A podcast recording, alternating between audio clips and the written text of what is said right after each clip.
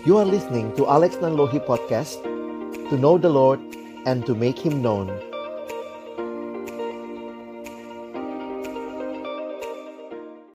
Mari sebelum kita membaca merenungkan firman Tuhan kita berdoa Bapa di dalam surga, kami datang dalam ucapan syukur siang hari ini.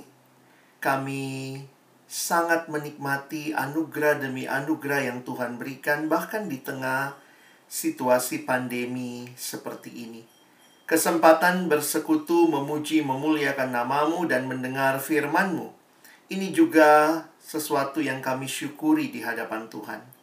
Karena itu, ketika kami nanti akan membuka firman-Mu, kami mohon ya Tuhan, bukalah juga hati kami. Jadikanlah hati kami seperti tanah yang baik. Supaya ketika benih firman Tuhan ditaburkan, boleh sungguh-sungguh berakar, bertumbuh, dan juga berbuah nyata di dalam hidup kami. Berkati hambamu yang menyampaikan, setiap kami yang mendengar, Tuhan tolonglah kami semua. Agar kami bukan hanya menjadi pendengar-pendengar firman yang setia, tapi mampukan dengan kuasa dari rohmu yang kudus kami dimampukan menjadi pelaku-pelaku firmanmu di dalam kehidupan kami, di dalam masa muda kami. Bersabdalah ya Tuhan, kami anak-anakmu sedia mendengarnya di dalam satu nama yang kudus, nama yang berkuasa, nama Tuhan kami Yesus Kristus. Kami menyerahkan pemberitaan firmanmu. Amin. Ya, shalom teman-teman yang dikasihi Tuhan. Juga untuk Bapak Ibu guru yang ada di dalam ruangan ini, ruangan Google Meet, kita bersyukur kepada Tuhan buat kesempatan boleh bersama-sama kembali beribadah.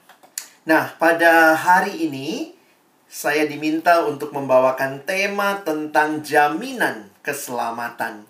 Jadi ini yang menjadi tema kita jaket katanya ya.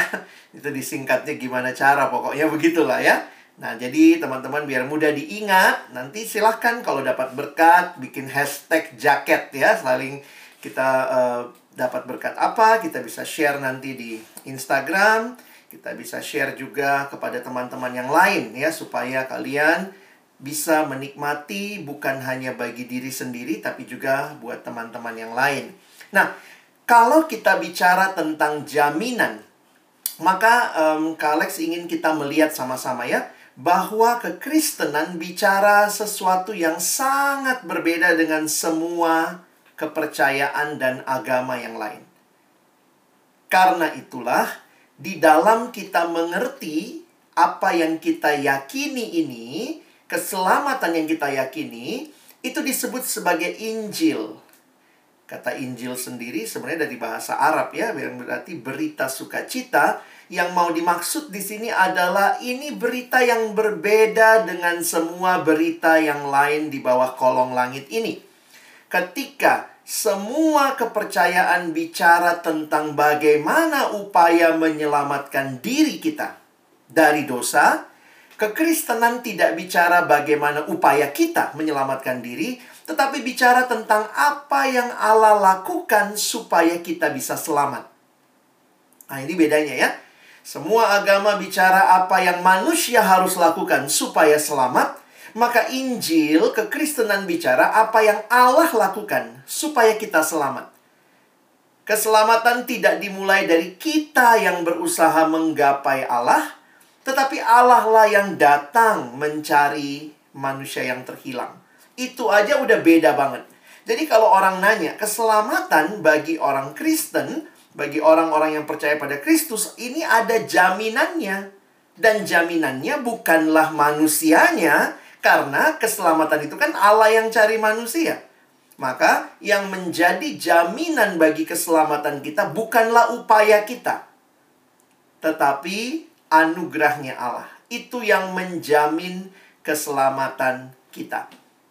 Jadi, teman-teman, kalau kita sudah belajar tentang keselamatan, ini beda sekali. What we have, uh, apa yang harus kita lakukan dengan apa yang Kristus telah lakukan. Nah, itu perbedaannya kekristenan dengan semua kepercayaan yang lain. Semua bicara apa yang harus kita lakukan, apa yang harus saya lakukan, apa yang harus manusia lakukan. Kekristenan berbicara apa yang telah Allah lakukan. Dia mengirimkan anaknya Yesus Kristus mati di kayu salib bagi kita. Karena itu kita mengerti yang namanya keselamatan itu itu anugerah bukan karena perbuatan baik kita. Ya, jadi sekali lagi keselamatan adalah anugerah bukan perbuatan baik kita. Kalau kita lihat Paulus bicara hal ini ya, semua ayatnya ke Alex tulis, jadi teman-teman bisa mengikuti di dalam Roma pasal yang ketiga. Nanti kita lihat di screen ya. Nah, Roma pasal yang ketiga berbicara ayat 27 dan 28. Jika demikian, apakah dasarnya untuk bermegah? Tidak ada. Berdasarkan apa? Berdasarkan perbuatan? Tidak, melainkan berdasarkan iman. Karena kami yakin bahwa manusia dibenarkan karena iman dan bukan karena ia melakukan hukum Taurat. Jadi ini lagi perbedaan mendasar.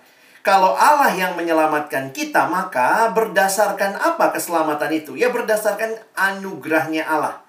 Bukan karena apa yang kita lakukan. Kalau begitu orang Kristen tidak melihat keselamatan berdasarkan perbuatan baik. Tidak. Tapi di mana letaknya perbuatan baik? Kekristenan bicara perbuatan baik? Iya, tetapi bukan syarat supaya selamat. Karena itu, kalimat yang sederhana ini kiranya bisa menolong kita menangkap esensi keselamatan dan perbuatan baik. Kita diselamatkan bukan karena melakukan perbuatan baik, tetapi kita justru diselamatkan untuk berbuat baik.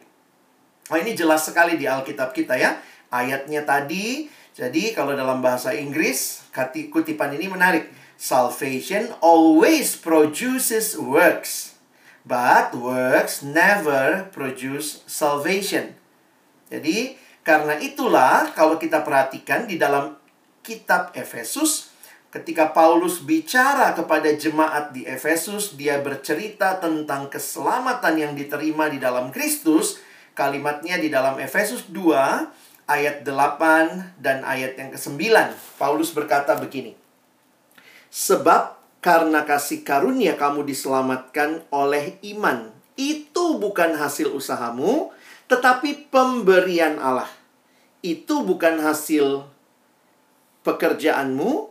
Jangan ada orang yang memegahkan diri. Jadi keselamatan itu kita terimanya cuma-cuma. Salvation is free.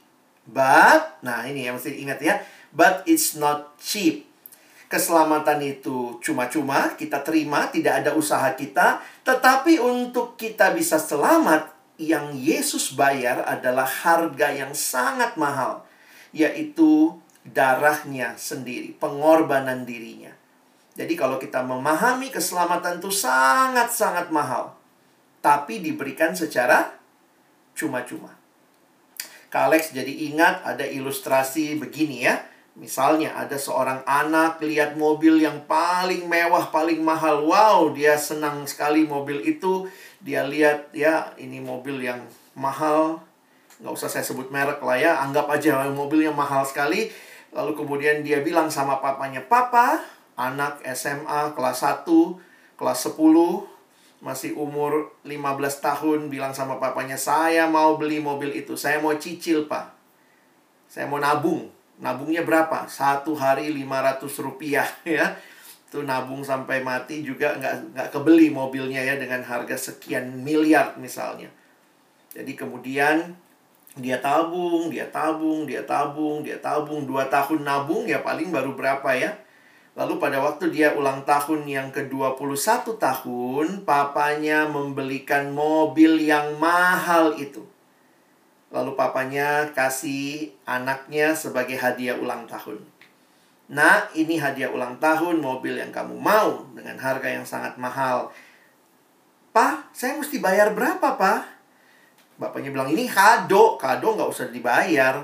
Nggak mau, Pak. Saya mau bayar. Ah, udahlah simpan uang. Uangmu tuh nggak seberapa. Jadi, anak itu dapat mobil itu gratis. Cuma-cuma. Tapi siapa yang bayar harganya? Papanya kan? Ini papanya bayar dengan harga yang mahal. Saya membayangkan kira-kira seperti itulah gambarannya. Bahwa kita memang menerima anugerahnya itu secara cuma-cuma. Kita nggak mesti bayar sesuatu. Tetapi untuk kita bisa mengalami anugerah itu, itu diberikan kepada kita cuma-cuma. Tapi Yesus membayarnya dengan harga yang sangat mahal. Jadi ini cara berpikir perspektif yang sangat berbeda, ya. Kalau kita bicara keselamatan karena kita manusia, maka tergantung kalau kita baik, selamat. Kita nggak baik, nggak selamat. Tapi keselamatan kita bukan demikian. Karena ini diberikan oleh Allah, keselamatan itu bersumber dari Allah, maka teman-teman pahami betul ya. Karena ini keselamatan yang bersumber dari Allah, Allah yang memberikannya, maka yang menggaransinya, yang menjaminnya 100% itu adalah Allah sendiri. Jadi, keyakinan keselamatan kita bukan mudah-mudahan. Kalau karena kita, pasti mudah-mudahan. Kalau saya baik ya, mudah-mudahan selamat. Kalau saya nggak baik, aduh nggak jadi nggak selamat. Tapi karena keselamatan kita adalah dari Allah, maka jaminannya adalah dari Allah sendiri. Allah yang memberikan, Allah yang menjaminnya. Nah, karena itu perhatikan, apa sih yang menjadi dasar bagi keyakinan atau jaminan kita? Kadang-kadang orang bilang nih orang Kristen kok pede amat sih gitu ya. Apa yang menjamin? Kalau mereka berkata mudah-mudahan, kita berkata pasti. Keselamatan kita bukan mudah-mudahan, tapi pasti. Yang menjamin itu apa? Kalau karena perbuatan baik, ingat kalimat Paulus tadi, kalau karena perbuatan baik nggak bakal selamat kita. Tapi karena ini anugerah, ada yang bayarin buat kita, yaitu Yesus. Maka kita pasti, kalau kita meragukan keselamatan kita, sebenarnya tanpa sadar kita meragukan Yesus. Kayaknya Yesus kurang bisa memberikan keselamatan nih. Kok kayaknya mesti ditambah dengan apa yang saya lakukan, begitu ya. Jadi, ketika kita bicara jaminan keselamatan kita, jaminannya itu adalah karya Yesus di kayu salib. Itulah jaminan keselamatan kita. Dan karena itu, kita bisa menyatakan once saved, always saved. Karena kan Tuhan yang menjamin, Dia yang memberikan dirinya bagi kita. Sekali selamat, tetap selamat. Yang menjamin bukan saya kok, Yesus yang jamin. Karena dialah yang memberikan dirinya bagi kita. Nah, dari mana ayat-ayatnya? Ada banyak ayat di Alkitab, tapi Kak Alex pilihkan satu ayat ini ya. Kalau teman-teman perhatikan di 1 Yohanes 5 ayat 11 sampai ayat yang ke-13. Perhatikan ya. 1 Yohanes 5 ayat 11 sampai ayat yang ke-13. Perhatikan kalimat Rasul Yohanes. Dan inilah kesaksian itu Allah telah mengaruniakan hidup yang kekal kepada kita. Dan hidup itu ada di dalam anaknya. Barang siapa memiliki anak, ia memiliki hidup. Barang siapa tidak memiliki anak, ia tidak memiliki hidup. Jadi perhatikan dari ayat 11 tadi ya. Yang mengaruniakan siapa? Allah, bukan kita. Allah yang mengaruniakan hidup yang kekal kepada kita. Nah, karena sudah dikasih hidup yang kekal, maka Barang siapa memiliki anak, ia memiliki hidup. Barang siapa tidak memiliki anak, ia tidak memiliki hidup. Semuanya itu kutuliskan kepadanya, kepada kamu, supaya kamu yang percaya dalam, kepada nama anak Allah, kamu tahu bahwa kamu memiliki hidup yang kekal itu. Jadi lihat Allah yang kasih. Jadi poinnya begini teman-teman, kalau kita memiliki anak, kita terima Yesus, ya udah, kita punya hidup itu hidup yang kekal itu. Kalau kita tidak menerima Yesus, ya kita nggak alami hidup yang kekal itu. Tapi Allah telah mengaruniakannya kepada kita. Bukan karena usaha kita. Makanya orang Kristen itu sederhana ya. Kuncinya orang Kristen adalah percaya. Allah sudah kasih, inilah keselamatan. Kamu percaya atau tidak? Kamu memilikinya atau tidak? Nah ini memang unik ya. Makanya orang Kristen disebut orang percaya, orang yang beriman. Beriman bukan kepada pekerjaannya, tapi kepada pekerjaan Allah di dalam Kristus yang sudah genap di kayu salib. Nah, jadi ini jadi sangat membedakan. Nah, Tuhan Yesus pun mengatakan hal yang sama. Perhatikan ya, ini kan Tuhan Yesus yang ngomong, dia yang menjamin loh. Jadi kalau kita ragu begitu ya, keselamatan kita mudah-mudahan tergantung perbuatan saya, berarti kamu menyepelekan karya Kristus. Di dalam Yohanes 10 ayat 27 sampai 29, perhatikan ayatnya.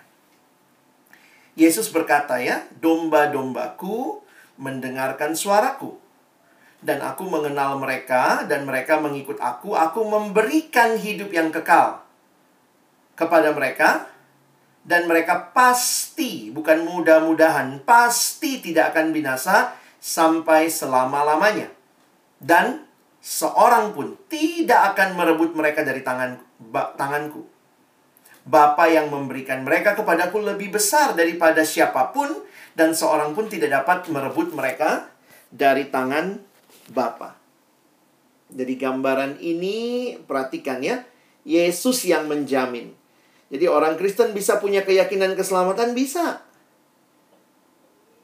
Tidak ada kuasa setan, kuasa jahat, tidak ada pergumulan yang bisa merebut mereka, merebut kita dari tangan Bapa yang mengasihi kita. Jadi kita punya jaminan keselamatan yang pasti, keselamatan yang kekal. Dan ini bentuknya apa?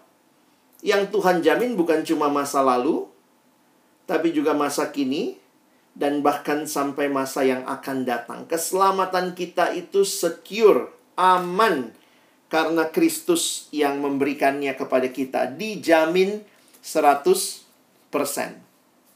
Nah, jadi sampai sini mungkin muncul pertanyaan ya. Loh, Kak Alex, kalau seandainya kita jatuh lagi dalam dosa, kalau kita jatuh lagi dalam dosa, apakah keselamatannya hilang? Nah, gitu ya. Berarti kalau keselamatannya hilang, gimana tadi? Kan kita bicara jaminan. Nah, kita mesti ingat.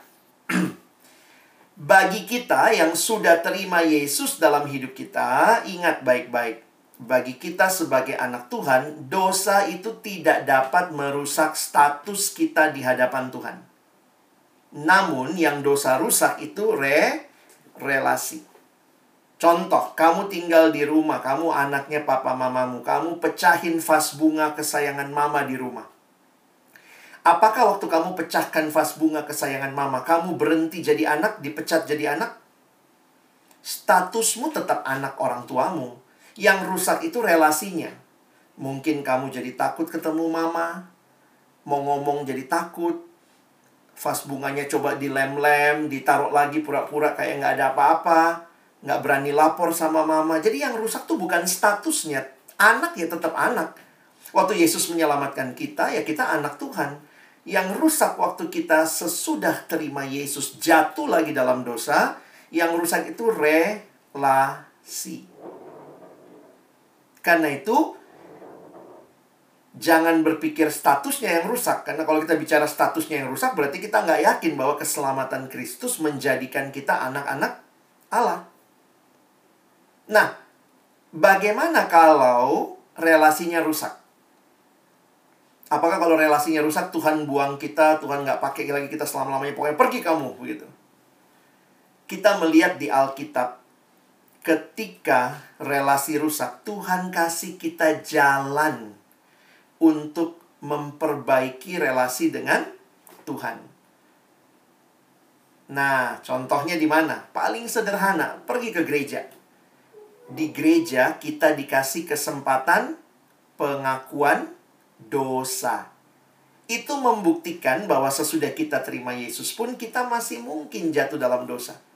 Karena itu waktu kita ke gereja, hamba Tuhan dalam liturgi gerejawi kita dikasih kesempatan memperbaiki relasi. Mari kita mengaku dosa kita di hadapan Tuhan. Jadi datang sama Tuhan. Dan apa yang indah, Tuhan menjamin pengampunan dosa kita. Ah, ada jaminan baru lagi. Oh, kita dijamin. Coba perhatikan kalimat ke Alex ini. Hal ini, jadi jaminan pengampunan dosa, hal ini tidak membatalkan jaminan keselamatan. Contoh ayatnya itu jelas banget 1 Yohanes 1 ayat 9. Nah, teman-teman bisa baca ya. Jika kita mengaku dosa kita, maka Ia, Allah adalah setia dan adil, sehingga Ia akan mengampuni segala dosa kita dan menyucikan kita dari segala kejahatan. Tapi harus datang ngaku dosa. Itulah jalan memperbaiki relasi kita di hadapan Tuhan. Nah, coba Kak ulangi lagi ya. Karena yang rusak itu bukan status, maka kita tetap anak Tuhan. Tetapi sebagai anak Tuhan, karena kita berdosa lagi, maka kita harus memperbaharui, memperbaiki relasi. Nah, di dalam sejarah gereja, bagaimana memperbaiki relasi, sikap apa yang perlu kita miliki, Tuhan pasti ampuni. Itu tadi jaminannya kan? Tapi si, si, uh, sikapnya apa? Nah, yang pertama, ya kita mesti ada disiplin pengakuan dosa. Makanya kalau kita ke gereja seminggu sekali selalu ada itu. Mari kita mengaku dosa kita di hadapan Tuhan. Sekarang pun di dalam doa kita kadang-kadang kita diajar ya, Berdoa itu mencakup memuji Allah, menyembah Dia, mengakui dosa kita, baru minta, misalnya gitu ya. Jadi kita mesti disiplin pengakuan dosa. Jadi orang yang mengaku dosa itu bukan karena dia uh, kehilangan status anak Allah. Kalau dia ngaku Tuhan jadikan lagi aku anak, enggak, dia tetap anak. Tapi waktu kita mengakui dosa, kita membaharui lagi relasi kita. Kita mengakui sama Tuhan. Dan tentunya dilanjutkan dengan sikap berikut nih sungguh-sungguh bertobat, sungguh-sungguh menyesal. Jadi bukan hanya menyesal, karena bagi Kak Alex begini, orang yang bertobat pasti menyesal. Tapi orang yang menyesal belum tentu bertobat. Karena pertobatan itu di Alkitab digambarkan seperti berbalik 180 derajat. Sementara menyesal itu ya bisa cuman begini ya, ikut acara ini nyesel, oh nangis-nangis, tapi nggak berubah. Pertobat di dalamnya ada perubahan penyesalan hanya ada dukanya, tapi tidak ada perubahan. Jadi kalau kita mau membedakan, kita butuh pertobatan yang sungguh-sungguh. Ingat, ini upaya memperbaiki relasi. Dan harus juga punya hidup yang taat. Saya kasih contoh. Tadi ya, hancurin vas bunganya mama yang paling mama sayang. Status tetap anak. Maka waktu kamu memperbaiki relasi, gimana cara memperbaiki relasi sama orang tua? Datang kasih tahu, "Ma, Pa, maaf, saya yang pecahkan." Terus mesti gimana sikapnya? Ya bilang gitu. Saya nggak mau lagi. Saya nyesel, nyesel banget, sorry banget. Saya nggak mau lagi main bola dalam rumah sampai ngerusak vas. Ya, jadi jangan uh, Papa mama, saya kan tetap anak nih, saya tetap anak. Nah, saya udah ngerusak vas Papa mama ampuni nggak? Ya tetap anak nggak? Tetap lah nak. Masa kamu tidak jadi anak? Oh oke. Okay. Kalau saya tetap anak mana sekarang? Saya mau rusakin televisi. Saya mau rusakin lemari es. Saya mau rusakin. Itu orang yang nggak ngerti pertobatan. Begitu kita memperbaiki relasi, kita menyesal sungguh-sungguh. Dan ke depan papa mama saya mau taat. Dikasih hukuman apa ya udah saya ikutin ya. Dikasih tugas apa ya saya akan jalankan. Jadi ingat semua ini bukan supaya kita jadi anak Tuhan. Karena kita tetap anak Tuhan. Kita kan nggak berubah statusnya. Yang rusak relasinya. Jadi, waktu kita mengaku dosa, kita punya komitmen bertobat yang sungguh-sungguh, kita mau taat ke depannya hidup ini adalah upaya kita membaharui relasi kita. Nah, bagaimana setelah menjalani ini semua? Bisa nggak mengalami hidup berkemenangan? atas dosa. Nah, yang menarik di Alkitab bukan hanya ada jaminan keselamatan, Tuhan jamin kita pasti selamat, bukan mudah-mudahan. Di Alkitab bukan hanya ada jaminan pengampunan. Kalau kamu dosa lagi, datang kepadaku, kata Tuhan tadi. Aku akan menyucikan kamu, kamu mengaku dosa di hadapanku, perbaiki relasi denganku. Tetapi juga pertanyaannya, kalau jat, kalau kita mau hidup benar, ada nggak sih jaminannya? Apa yang bisa kita pegang? Ternyata Alkitab juga memberikan kepada kita jaminan kemenangan atas dosa. Dan uniknya teman-teman, tiga-tiga jaminan ini yang kasih itu bukan kita. Karena kita nggak mungkin menjamin. Yang kasih itu Tuhan. Tadi ya, Selamat, gimana kata Tuhan? Aku jamin pasti selamat, tidak ada yang bisa rebut kamu. Pengampunan, gimana kata Tuhan? Kalau kamu mengaku dosa, Allah setia dan adil dan akan mengampuni. Jadi bukan kita yang ngampunin, Allah yang akan ngampunin. Bagaimana kalau kita mau hidup berkemenangan? Siapa yang menjamin kita bisa menang? Nah, lihat lagi ayatnya ya.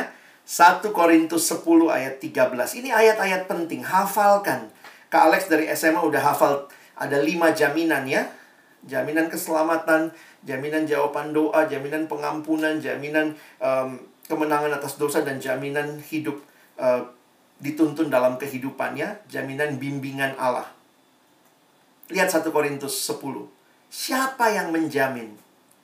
Pencobaan-pencobaan yang kamu alami, kata Paulus, ialah pencobaan biasa.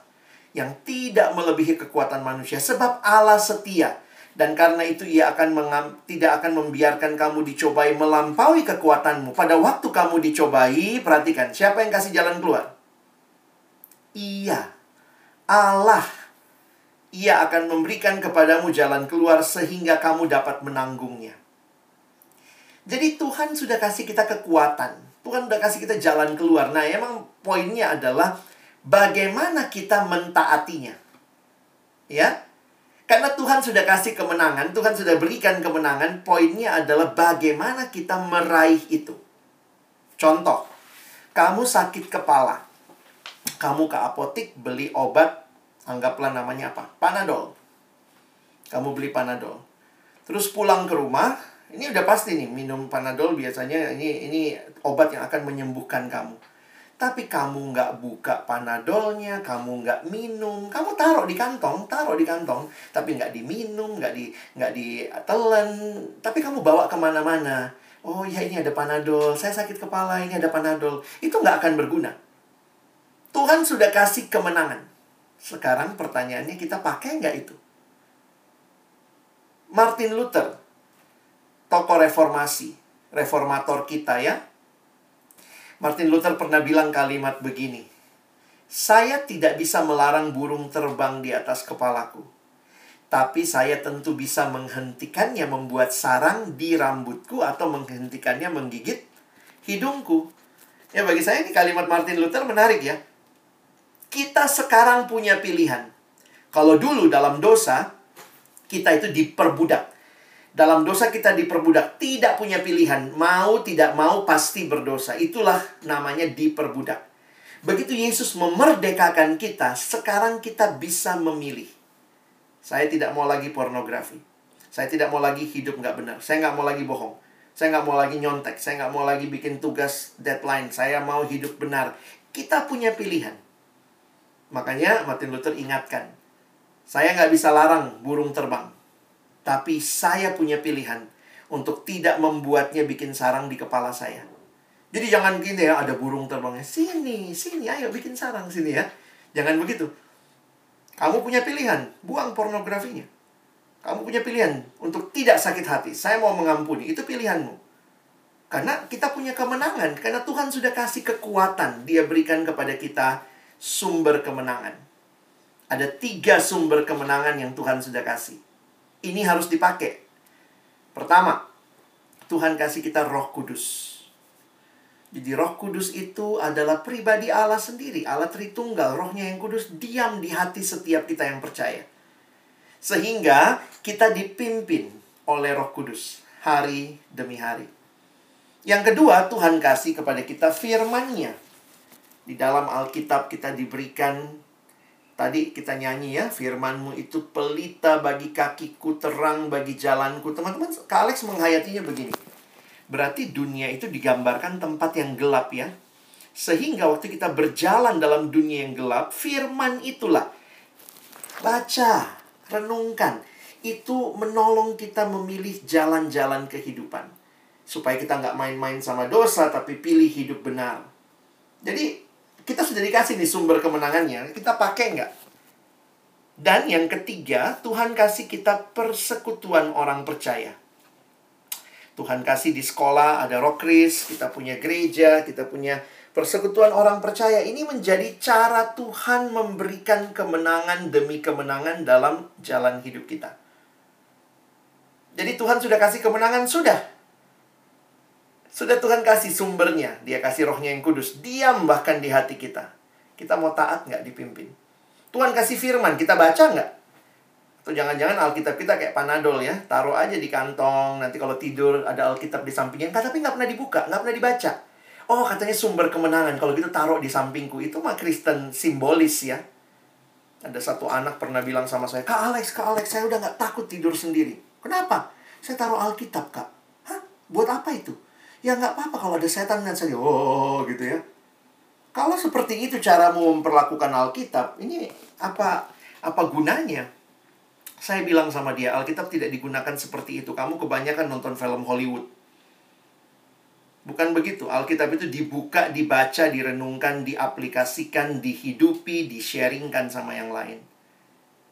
Jadi sumber kemenangan kita Alkitab. Jangan bilang, iya nih, ada satu anak pernah gini. Saya nggak tahu kenapa Tuhan mau apa sih dalam hidupku, Kak.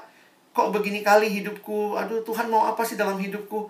Saya bilang, kamu mau tahu Tuhan mau apa? Iya, Kak. Saya bilang, kau rajin baca Alkitab nggak? Nah, itulah, Kak, masalahnya. Aduh, aku sibuk banget di sekolah, banyak banget tugas. Kamu mau tahu kehendak Tuhan, tapi nggak mau baca firmannya. Ini kayak apa hidupmu? Jangan salahkan Tuhan kenapa aku jatuh dalam dosa. Tuhan bilang kau baca nggak firmanku yang adalah pelita bagi kakiku. Terang bagi jalanmu. Yang menolong kamu memilih bukan pilihan-pilihan yang berdosa. Jadi kalau kita jatuh dalam dosa, jangan-jangan kita belum pakai nih semua yang Tuhan kasih. Tuhan kasih persekutuan orang percaya. Kita punya rokris di sekolah, saling mengingatkan. Kelas 10, kelas 11, kelas 12, ada bapak ibu guru yang menjaga, mengingatkan kamu, membangun kamu. Ini ini tempat yang Tuhan berikan supaya kita sama-sama bertumbuh kenal dia. Ya, jadi Kak berharap ketika kita meyakini keselamatan kita, menjalani keselamatan itu masih bisa berdosa nggak? Masih bisa. Karena itu, akui dosa kita. Dan yakin ada pengampunan dari Tuhan dan kemudian yakini kita bisa menjalani hari-hari kemenangan. Karena ada roh kudus, ada firman, doa, komunikasi dengan Tuhan, dan juga Tuhan berikan orang percaya menolong kita berjalan bersama-sama. Jaminan keselamatan tidak membuat kita hidup seenaknya. Kadang ada yang bilang gitu, enak banget jadi orang Kristen. Sekali selamat tetap selamat. Berarti kalau sudah selamat boleh dong dia bikin dosa. Kalau dia masih bikin dosa sesudah selamat, sebenarnya dia tidak menghargai keselamatan yang dia terima. Memang kita tidak selamat karena perbuatan baik kita. Tapi buat kita yang sudah alami keselamatan, perbuatan baik itu muncul sebagai respon. Respon syukur, sukacita kita. Terima kasih Tuhan, karena kau sudah selamatkan aku, maka aku mau hidup bagimu. Alex ingat ceritanya begini ya, saya suka kasih contoh begini. Contoh ya, kamu tinggal di rumah.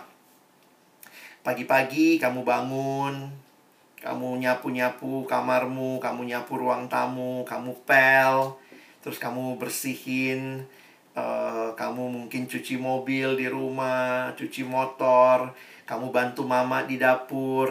Kak Alex mau nanya, kamu lakukan itu supaya jadi anak atau karena kamu anak?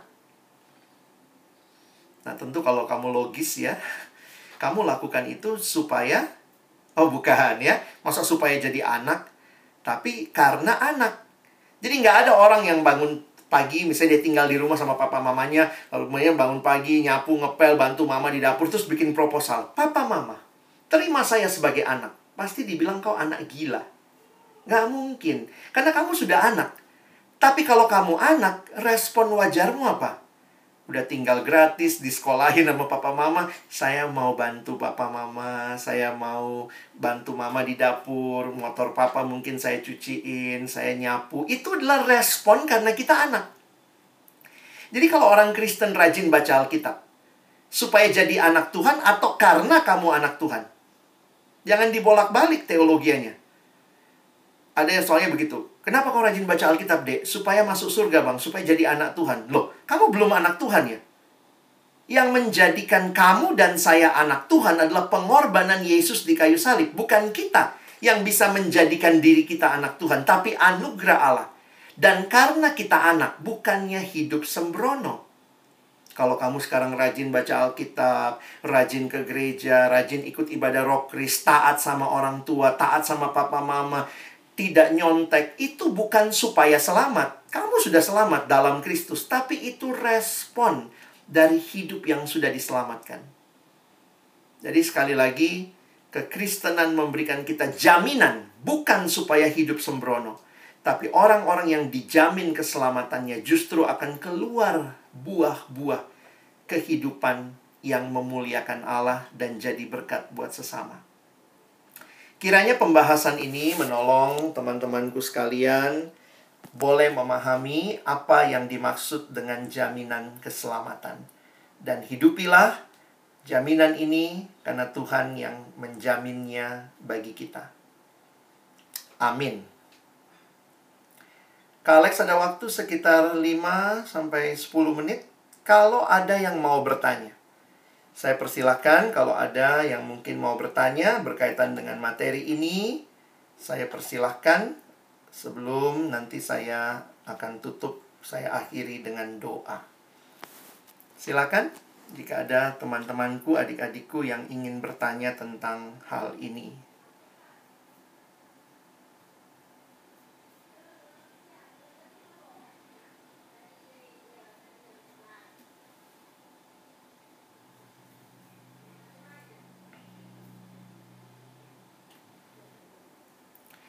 Bapa di dalam surga, terima kasih karena hidup kami dijamin oleh Tuhan. Keselamatan yang pasti kau berikan, dan di dalam engkau kami memperoleh ketenangan. Kami sekali lagi bersyukur untuk hidup baru yang kau karuniakan kepada kami, dan tolong kami tidak lagi hidup bermain-main dengan dosa.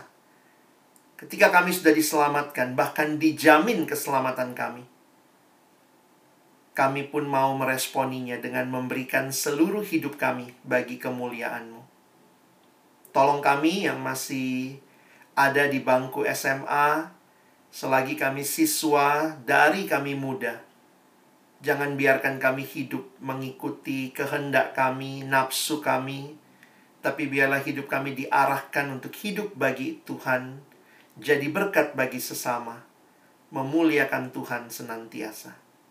Sekali lagi kami bersyukur untuk apa yang kami terima melalui firman-Mu. Tolong kami bukan cuma jadi pendengar firman, tapi jadi pelaku-pelaku firman-Mu. Di dalam nama Tuhan Yesus, kami bersyukur, kami berdoa. Amin.